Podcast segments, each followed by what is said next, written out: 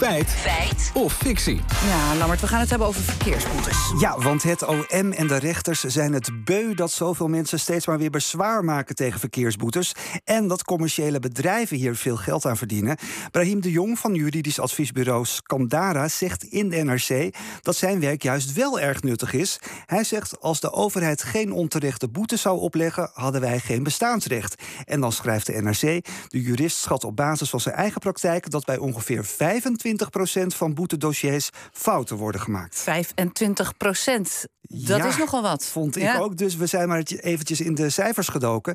Ten eerste is het natuurlijk wel even goed om te weten dat we het hier over lichte verkeersovertredingen hebben, zoals fout parkeren, tot 30 km per uur te hard rijden of door rood rijden. In 2022 werden er ruim 8,1 miljoen van zulke boetes uitgedeeld in Nederland. Maar die waren dus niet allemaal terecht dan. Nee, inderdaad. We belden Bert Kabel, advocaat gespecialiseerd in verkeersrecht. En we vroegen hem wat er fout kan gaan bij zo'n boete. Ik denk met name de administratieve fouten, dat daar het meeste eh, zit. Verkeerde feitcode bijvoorbeeld. Hè? Dus de, de, de feitcode die is verkeerd vermeld. Hè? Dan staat er bijvoorbeeld dat het eh, binnen een bebouwde kom is en dan is het buiten de bebouwde kom. Ja, en zelfs bij het flitsen kan er een foutje in sluipen. Die apparatuur moet geëikt zijn. Eh, dus dat moet dus eh, om de zoveel tijd moet dat gecontroleerd worden. Dat het apparaat nog eh, de meting juist verricht. Eh, en daar kan natuurlijk een afwijking in zitten. En op het moment dat zo'n apparaat niet geëikt is, dan kun je daar een beroep op doen en kunnen zeggen: ja, er zit geen eikingscertificaat zit erbij.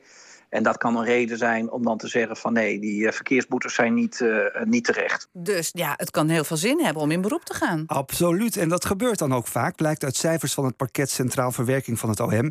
Ik belde even met de officier van justitie, Wendy de Koning. Er worden ongeveer eh, 8 miljoen verkeersboetes per jaar opgelegd. En daarvan gaat 97% van de mensen niet in beroep. Die betalen de boete dus gewoon, die zijn het ermee eens. En 3% van de mensen die gaat wel in beroep. En van die 3% is er dan ongeveer 15% waarbij het beroep slaagt. Dus die gelijk krijgen. Ja, nou, de rekenmachine er maar weer even bijgepakt. Dat betekent dat 0,45% van het totale aantal verkeersboetes per jaar een fout bevat. Nou, dat is wel heel ver van die 25 procent Ja, af. inderdaad. Ja. En daarom hebben we Brahim de Jong nog even zelf gebeld om te vragen hoe hij toch aan die 25% komt.